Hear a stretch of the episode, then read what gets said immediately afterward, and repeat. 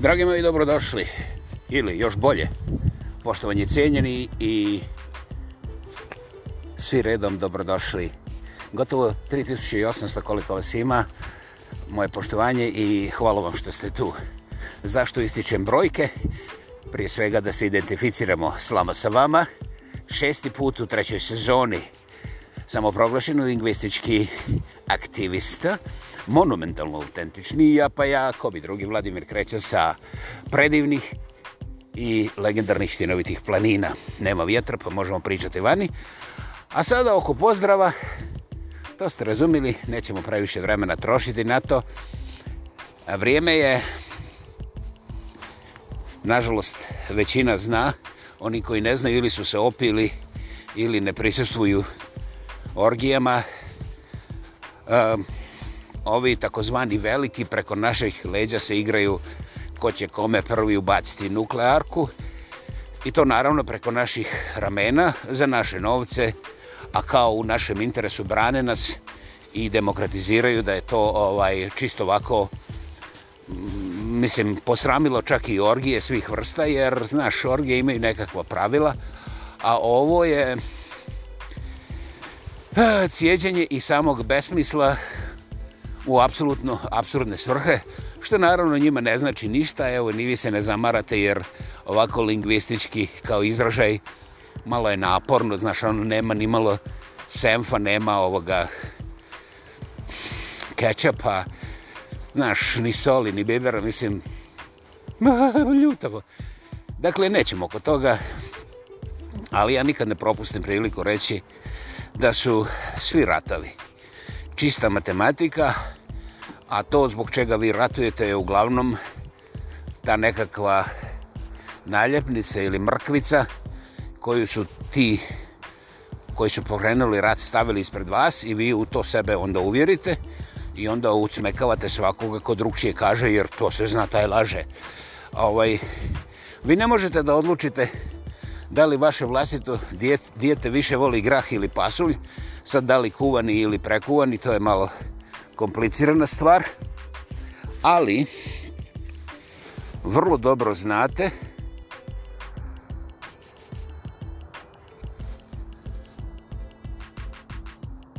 sve o strategijama najprokletijih korporacija i vojski ovoga svijeta. Znaš, ja sam se potpuno prenerazio jer ne mogu vjerovati da ozbiljni ljudi mogu sebi to dozvoliti ali očigledno mogu i kao što vidite ja se ne želim uzbuđi, u, u, u, uzbuđivati oko toga jer baš sam slušao Dire Straits Why to Worry rasturujući instrumental kojeg sam čuo milion puta prije, evo večera sam ga ponovo otkrio ovaj pitanje je vrlo interesantno i jasno zašto brinuti ovaj,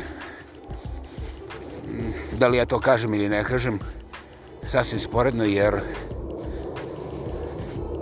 neću da brinem. Ja sam u stvari odlučio svoje, ja neću da brinem. A, I to je ključni element u zaštiti vašeg vlastitog mentalnog zdravlja. Dakle,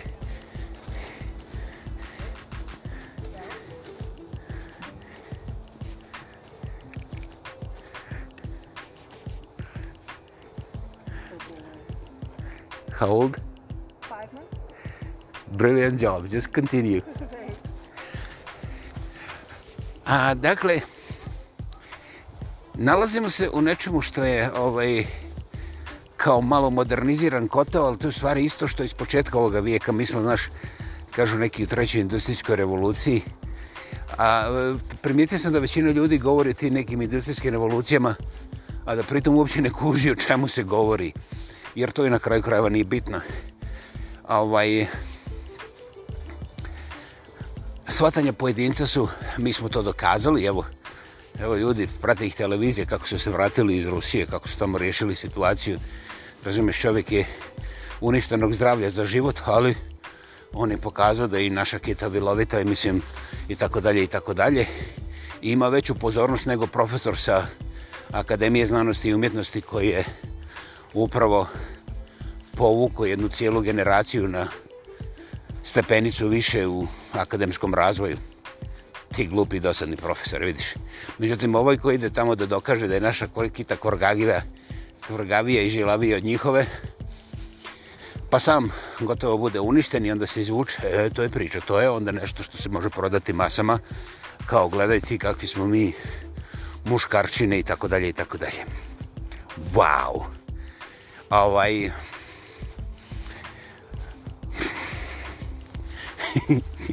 najbolje bi, najbolje bi bilo ovaj, da odem po ovim šuma i da šutim, ali eto, večeras nema vjetra, prekrasno je, prekrasno ventira za, za jesen koja će ovdje potrajati možda do sutra ujutru ili vjerovatno narodna dva, tri dana prije što padne snijeg pa se sve zaledi. Ali ovaj, i to je predivno, jer to za mene više nije okrutno zbog toga što ima sam dovoljno puta vidjeti to kako iz jedne blage a ovaj rashlađenosti koja je prilično ugodna odjednom ulazimo u drakonsku hladnjevinu i vrlo opasnu zaleđenost na cestama koja čak i najbolja auta ponekad jeli, postavi u takozvani T kanal jeli, koji nije namenjen za brzu vožnju a da nije namenjen za vožnju nikak hm, ok, ok Pa onda, lako bi ja iz kanala, nego auto neće samo. Mora se ukloniti odmah, jeli, jer dolaze drugi kandidati i oni sklizavaju. I onda da ne platiš tom drugom kandidatu što se njegovo auto stucalo od tvoje, ti moraš da iskeziš 500 do 700 dolara čim prije da dobiješ ove što imaju opremu da te izvuku i da se makneš od nesreće. Eto vidite kakav je naš svijet. Mi robujemo sami sebi, a da pritome vrlo glasno govorimo kako smo uspješni, pa onda imamo titule, pa poslove, pa onda ne jedemo samo salamu, ni pa što je to e, čoveče. Mi jedemo burek kod šacira, recimo, čak ovdje u Kravogradu jeste. I ima, ima, Boga mi dobar, i ja odem da pojedem. Dakle, mi imamo sveta lijepa opravdanja za našu modernost, suvremenost i naprednost. A, Bože moj. Međutim, kiso je okus oko tog modernog čovjeka, jer, znaš, oslobodili smo se tih ateista komunističkih, razumiješ, koji su nam ugrožavali vjerovanje, što je samo po sebi absurdno da absurdimo i to onaj najsmrdljiviji, jer, znaš, kako neko može da zaviri u tvoju dušu i da vidi kome si je poklonio? ko ti osvježava, ko ti osnažuje. I na kraju krajeva, ako vjeruješ u najvećeg, jedinog i najmoćnijeg, u stvari svemoćnog u univerzumu, dakle toga Boga, bez obzira kako ga zoveš, da li je Buda, Muda, Čuda ili šta znam, Pero, a može biti Isus, kako hoćeš, svako ima pravo na svoga Boga, jeli? Ovaj, ono što nije interesantno, što je digao, što smrdi, što bi trebao svaki normalan čovjek je da zaključi kako je moguće da taj svemogući Bog naš treba toliko zaštite od nas dvonožnih koji, razumiješ, ako se neko onako baš nakašlje bez da stavi ruku, no ovi svi se razbižu jer će dobiti koronu, znaš. Mislim, ti ljudi su kao mravi, kao crvi, kao nevidljivi bakterije, bakcili međusobno, a onda su spremni da cijele države pregaze jer vi ste uvrijedili našeg Boga opet, to ne kvalificira ni zašto, to je sad će se bulazan, jer a, objasnite mi, kako se uvrijedi entitet koji niko ne vidi, ne čuje, ne zna, ne razumije. A, ovaj, I druga stvar, kako Bog dođe do glasa da kaže, hej, nemoj me braniti, mislim, pretjero si ovaj, jer ja sam i sa ove druge strane, taj isti, samo me zovu drugčije. Da, da, ja ću ovo ponoviti taj isti bog, recimo, kako se ne pojavi u snu, snovima ovi koji ga brane i koji ubijaju nevine ljude. Da, da, bombaši razno raznih vrsta kada dođu negdje u ovaj, urbanu sredinu pa eksplodiraju bombu, oni ubijaju čak i svoje, jer, znate, čak i kad bi htjeli da rade to precizno, nemoguće, bomba je glupa, da ne može biti gluplja. Ona ubija sve u tom i tom krugu i ako nisi zaštićen, to je tako te strefi bomba dok si u blizini takvog jednog samonapucanog majmuna. Nema veze koje si religije, nema veze imaš li para, nema veze da li si pravo noge ili zube čak, ne do boga, leto, važno je da opereš ruke. Ovaj, covid je, znaš. I taj čovac kaže, kada dođe gore kod Boga, on će mu dati masu ženskih, jeli, vjerovatno da idu na poljoprivredno dobro saditi ili zladiti krumpir, na primjer, jeseni. Ljudi moji, to nije, to nije smiješno, ali ovaj, o, ovi ljudi koji to rade, oni nisu intelektualno zatucani, znate. Mi, mi volimo razmišljati da su ono intelektualno zatucani, jer onda nam je lakše progutati kao i Mislim, to dokazuje kao neku našu superiornost, mada ja ne znam šta bi ta glupost trebala da znači.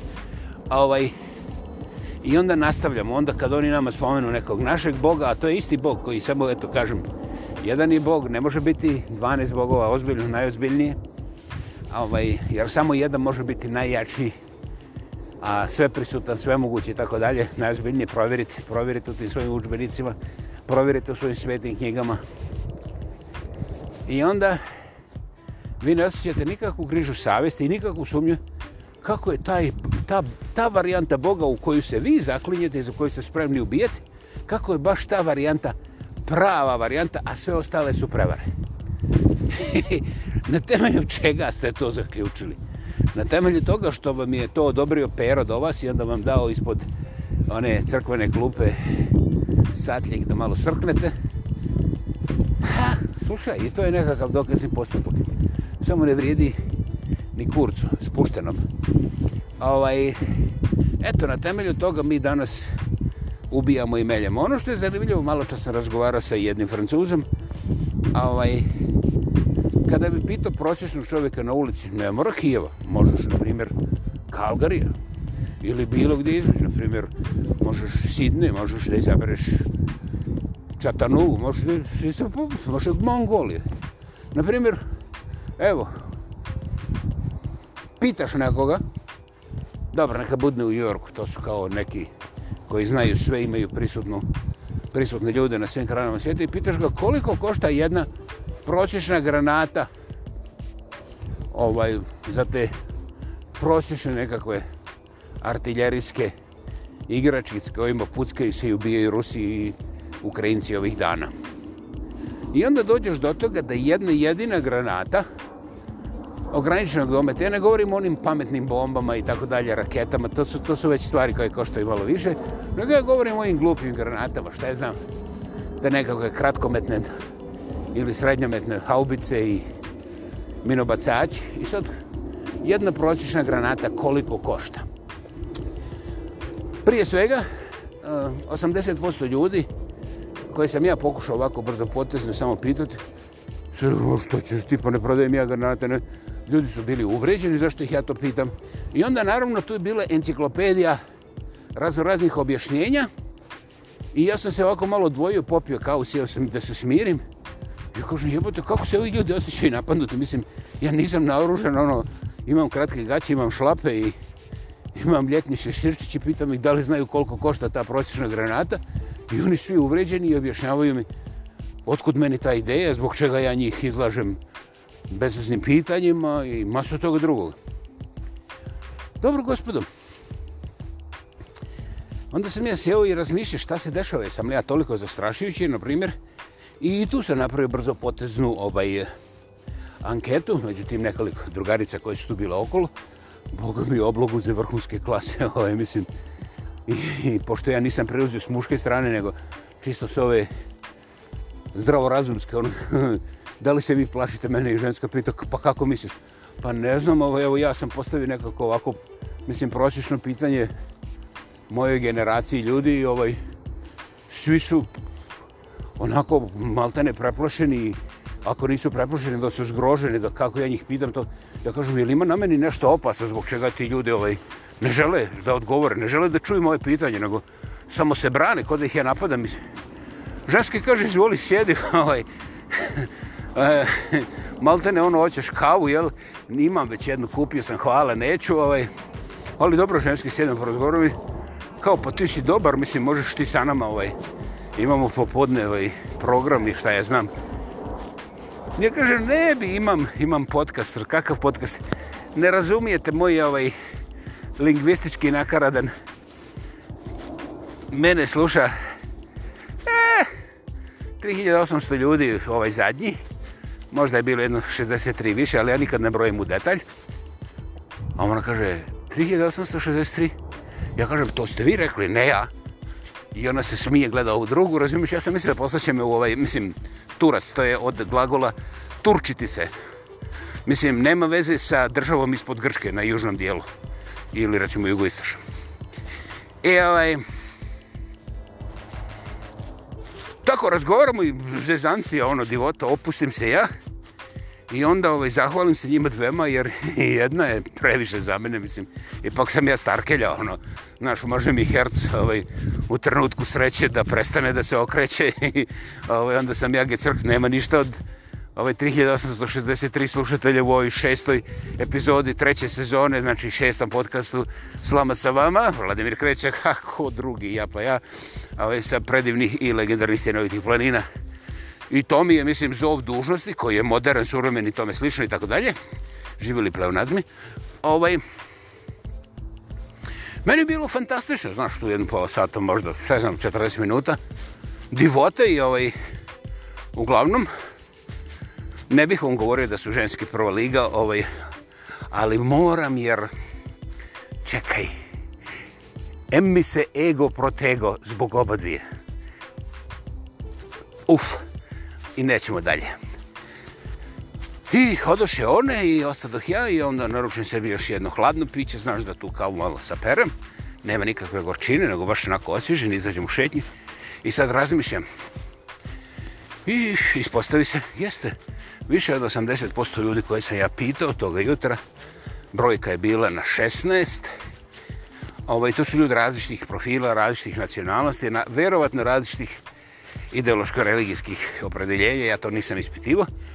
Ja sam imao jedno glupo, jednostavno pitanje, koliko košta jedna ta prosječna glupa granata ovaj malog i srednjeg dometa ovog gdje se cmekaju sa ovim starim klasičnim ovaj minobacačima, haubicama, topovima i tako dalje. Znači bez ikakvog specijalnog ovaj, sistema navođenja pameti koja je ugrađena u to ili tako dalje i tako dalje.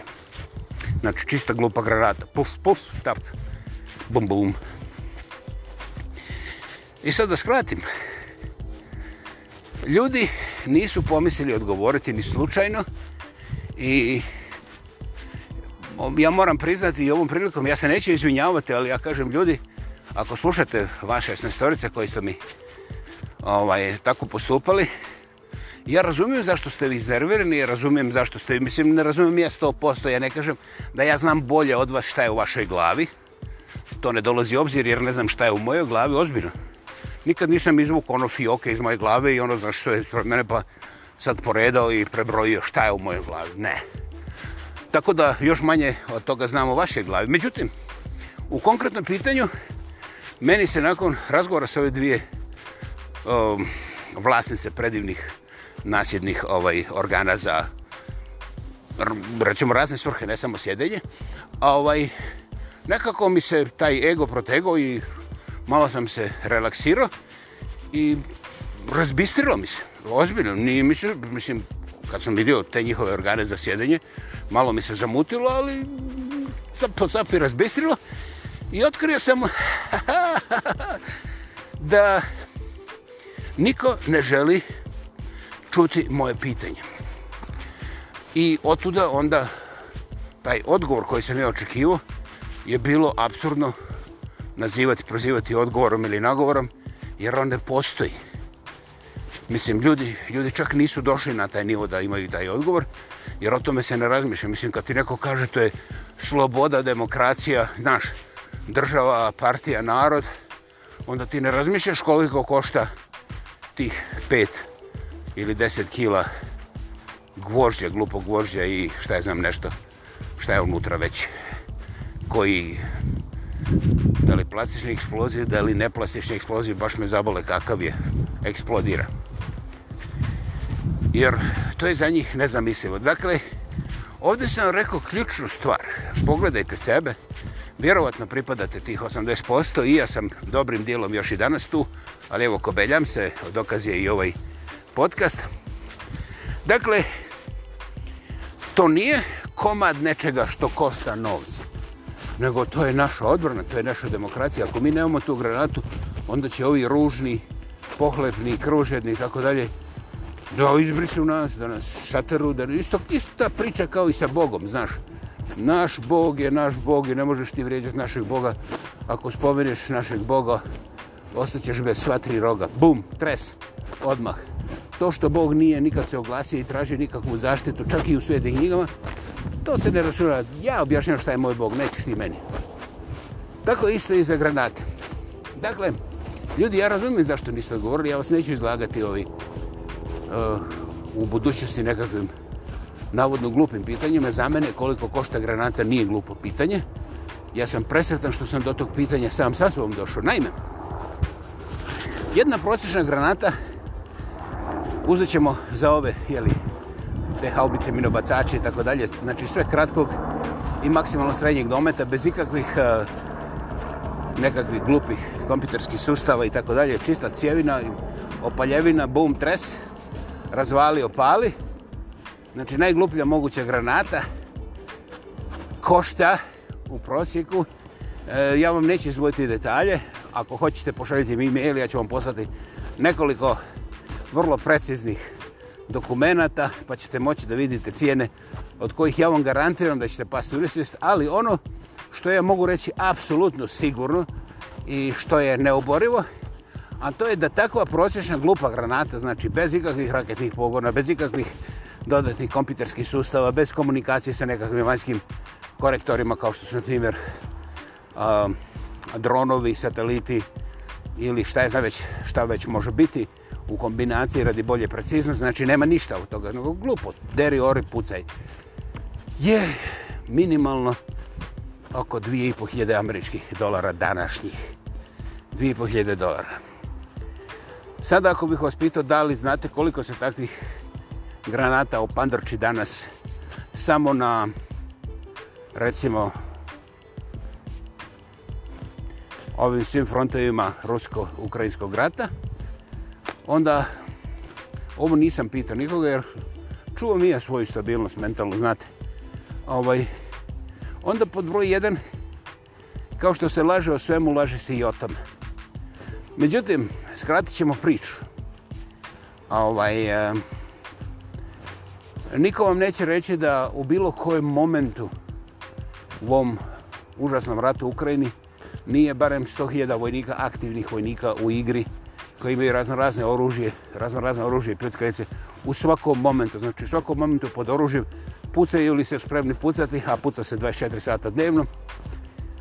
Dakle, ako mi uzmemo da recimo barem 10% od njih pripada tim artiljerijskim ovaj tim primarnim artiljerijskim oruđima, jel?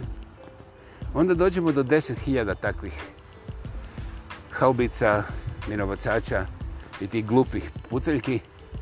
Znači 10.000 i neka oni svaki danas opale 10 puta, to je 100.000 granata po 2.500 dolara. 100.000 granata, to je za jedan dan, i to su minimalni ovaj brojevi, 100.000 granata po 2.500 dolara. Da li znate da je to, dragi moji, nadajte 3 nule, pa onda na početak 2.5, pa ćete onda dobiti da samo u tome puckanju dnevno biva ispaljeno preko 25 miliona dolara. Znači, mi ne računamo metke, tenkove, goriva, hranjiva, raketle, avionove i podmornice i šta znam koje sve svinjarije koje su uključene u rata Gvožđorija. Mi samo govorimo o tim glupim spravama, cjevčugama iz kojih se upaljuju obične glupe granate. I dođemo do toga da u jednom danu minimalno samo te granate koštaju 25 miliona dolara. Sada uzmite tih 25 miliona dolara i recimo prosječnu rusko-ukrajinsku plaću koja kad se saberu sva ta zaračena područje nigdje nije veća od 300 dolara. Ja govorim prosječna, ukupno, sve kad zabereš. To je 300 dolara. I uzmi da je na tome području negdje oko 25 miliona ljudi. Ja govorim o ratom zahvaćenom područjem, ja ne govorim o cijeloj Rusiji, ja ne govorim o cijeloj Ukrajini. Govorim neposredno ratno područje i neposredno okolo njega. Znači, možemo uzeti, to je manje od 20 miliona ljudi, ali mi ćemo uzeti da je 25 čisto radi lakše računice. Znači, 25 miliona ljudi je u ratnoj zoni, a 25 miliona dolara uzmete lijepo i podijelite na 25 miliona ljudi, sad ćete dobiti finu računicu i to svaki dan. To znači da na kraju dana, kada bi samo mjesec dana ratovanja izrazili u tim granatama sa minimalnim puckenjem, svaki od tih građana može da dobije minimalno jedičak dolara ekstra novca, sa kojim bi cijeli taj kraj bio redefiniran i oni bi bili Švicarska. Uh mhm. -huh. Međutim, ukupna, ukupni dnevni trošak ratovanja, kad se uračunaju metkovi, toaletni papir koga ima sve manje, pa hrana za vojnike, pa gorivo za ove razno razne sprave, pa avionovi i tako dalje, ide preko stotinu puta od ovoga proš. Jeste, dobro ste čuli. Dakle, mi govorimo da dnevni troškovi rata, ja nisam računao šta se razori. To su posebni troškovi koje ne računam. Znate, čisto, čisto sam zažmirio jer ne mogu ni da procinim, to je čisto a, zastrašujuće. Znači, ono što te vojske potroše jedna na drugu dok se tako uvese se veljaveljavajev ratnim aktivnostima, dnevno se kreće između 2 do 3 2 do 3 milijarde dolara. Boš. Da li vi znate da je već u ovom momentu, ako bi sve stalo, što se tiče Ukrajine, one su zauvijek u dužničkom robstvu, to je završeno, i ja da sam Putin, ja bi se vratio u Ukrajinu, zalizao svoje rane i prestavi, pre, prekinu daljnje krvarenje. Međutim, kao što vidite, ratom ne upravljaju nijedan oblik razuma, jer ja ću vam reći nešto što vjerovatno znate. Ako Putin štiti nečije interese, on štiti interese onih koji su već odnijeli dovoljno novca iz Rusije. I zbog čega je on napravio ovaj rat, nije baš, nije baš čisto. Bez obzira da li je on mentalno zdrav ili nezdrav, ja ne znam, to su vjerovatno kombinirani interesi nekih korporacija i financijera na samom strategijskom vrhu ove planete, mi ih nećemo imenovati, ja ne kažem Putin je nevin, nemojte ga dirati. No, no, nisam ja to rekao. Ja samo kažem da Putin nije u kontroli, da Putin je eto taj, ta mazga koja naređuje ko će koga ubijeti. Mislim, za nas kad, koji gledamo televiziju, a u suštini gospodari rata su gospodari financije, jer, znate, dvije milijarde dnevno, to je dovoljno da dva miliona onih malo čas spomenutih napravi instant milionerima. Aha. Instant milijon. Svaki dan možete uzmeti 2000 pojedinaca i svakom dati po milijon dolara i oni su dolarski milioneri. To je Ukrajina Švicarska za 10 dana. I svi milioneri. Zamislite to. Međutim, oni to sve ispaljivaju na, na gvožđa, na avione, na nekakve kompjutere za opaljivanje raketla i šta ja znam šta su oni. Dakle, vi uopće nemate ideju koliko je to besmisleno, koliko je to trulo, koliko je to pokvoreno. To je fašizam zdravog razuma u kome su ljudske žrtve najmanje važne, a nama se guraju na nos. Pa ti si neosjetljiv, zašto su ljudi? Pa neka su ljudi, neka su ljudi, ovaj, oni redefiniraju moj život, a da me ništa nisu pitali, niti imaju namjeru ikad primijetiti da li sam ja uopće postojao kao ljudac, recimo, ili ljud. Ja sam neljud. ljud zato što nisam dovoljno platio. Ja kad kupim sebi sandvič kod Italijana, danas od mortadele, jebote miš, 30 centi ode za onu glupovu granatu, malo često sam rekao da je 25 miliona dolara dnevno. I ja mogu da se jebem sa svojim demokratskim pravima, ne samo što neću znati kako, kako su to otkinuli od mene i poslali tamo u Ukrajinu, nego ako slučajno zustavim nešto, imam sve šanse da demokratski završim u zatvoru. Dakle, ako ja hoću postaviti pitanje, zašto mi tako objasno bacamo novce koji mogu da redefiniraju zdravlje ove planete kompletno, zašto smo tolike sivonje, onda sam ja odjednom anarhista i blesista i mislim, to se čak i ne priče, nego cilj, samo puste pandure da me vas pitaju. Dakle, mi ne živimo u Matrixu. Gospodo, to ste i sami znali, mi ne živimo. Dakle, plaćate svoje takse i ja nisam lider. Nemojte se osvrtati na mene ali hvala vam što ste ovdje i što slušate, jer potrebno je da neko kaže, da čujete, da neko vokalizira to što vidite, a ne usuđujete se sebi priznati. Dakle, ne zaboravite, svaki dan, bez razrušenog i uništenog, između 2 do 3 milijarde dolara, zavisi kako koji dan, nemaju ni oni precizna računa, ali rati otprilike tu na minimum 2 milijarde dolara dnevno, s jedne i s druge strane, naravno, to su ukupni troškovi, u puckanju i razbacivanju svih tih gožđurija koje se čiste iz skladišta, ovi kao štite Ukrajinu. Ne, Ukrajina će generacijama plaćati ovaj dug, bez obzira ko bude šef Ukrajine.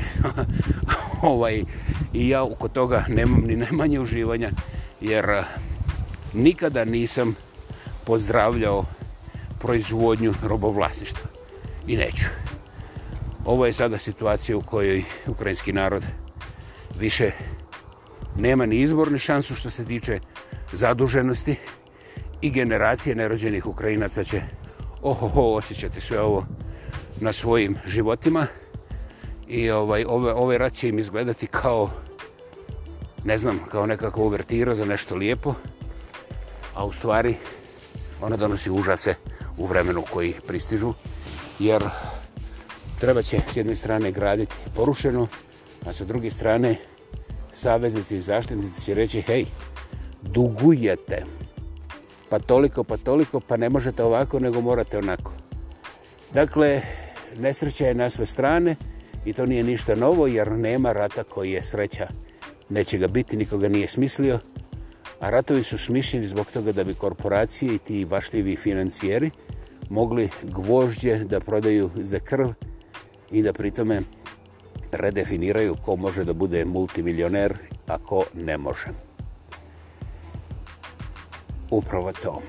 Hvala vam što ste i danas bili sa mnom. Ovo je vaša i naša slama sa vama samoproglašeni lingvistički aktivist. Monumentalno autentični ja, pa ja Vladimir Krećan sa predivnih i legendarnih stjenovitih planina. Bilo je ovo, ponavljam, šesta epizoda, šesti podcast treće sezone. Govorili smo o cijeni puckanja samo iz ovih malih glupih artiljerijskih oružja, a ja bih volio da vi zapamtite koliko to košta i zbog čega nama naša televizija, a i naši zvanišnici ne govore ništa koliko to stvarno košta. Dakle, bez smizrenja o ratovima i emocijama koliko košta ta cjevuga, cjevulja od toga nekakvog minobacača i koliko košta ta glupost od 20 kila gvožđe nekakvog eksploziva. I zbog čega je dozvoljeno da toga toliko ovaj bude proizvedeno? Šta ste imali u glavi kad, se, kad ste toliko novca uložili u te gluposti?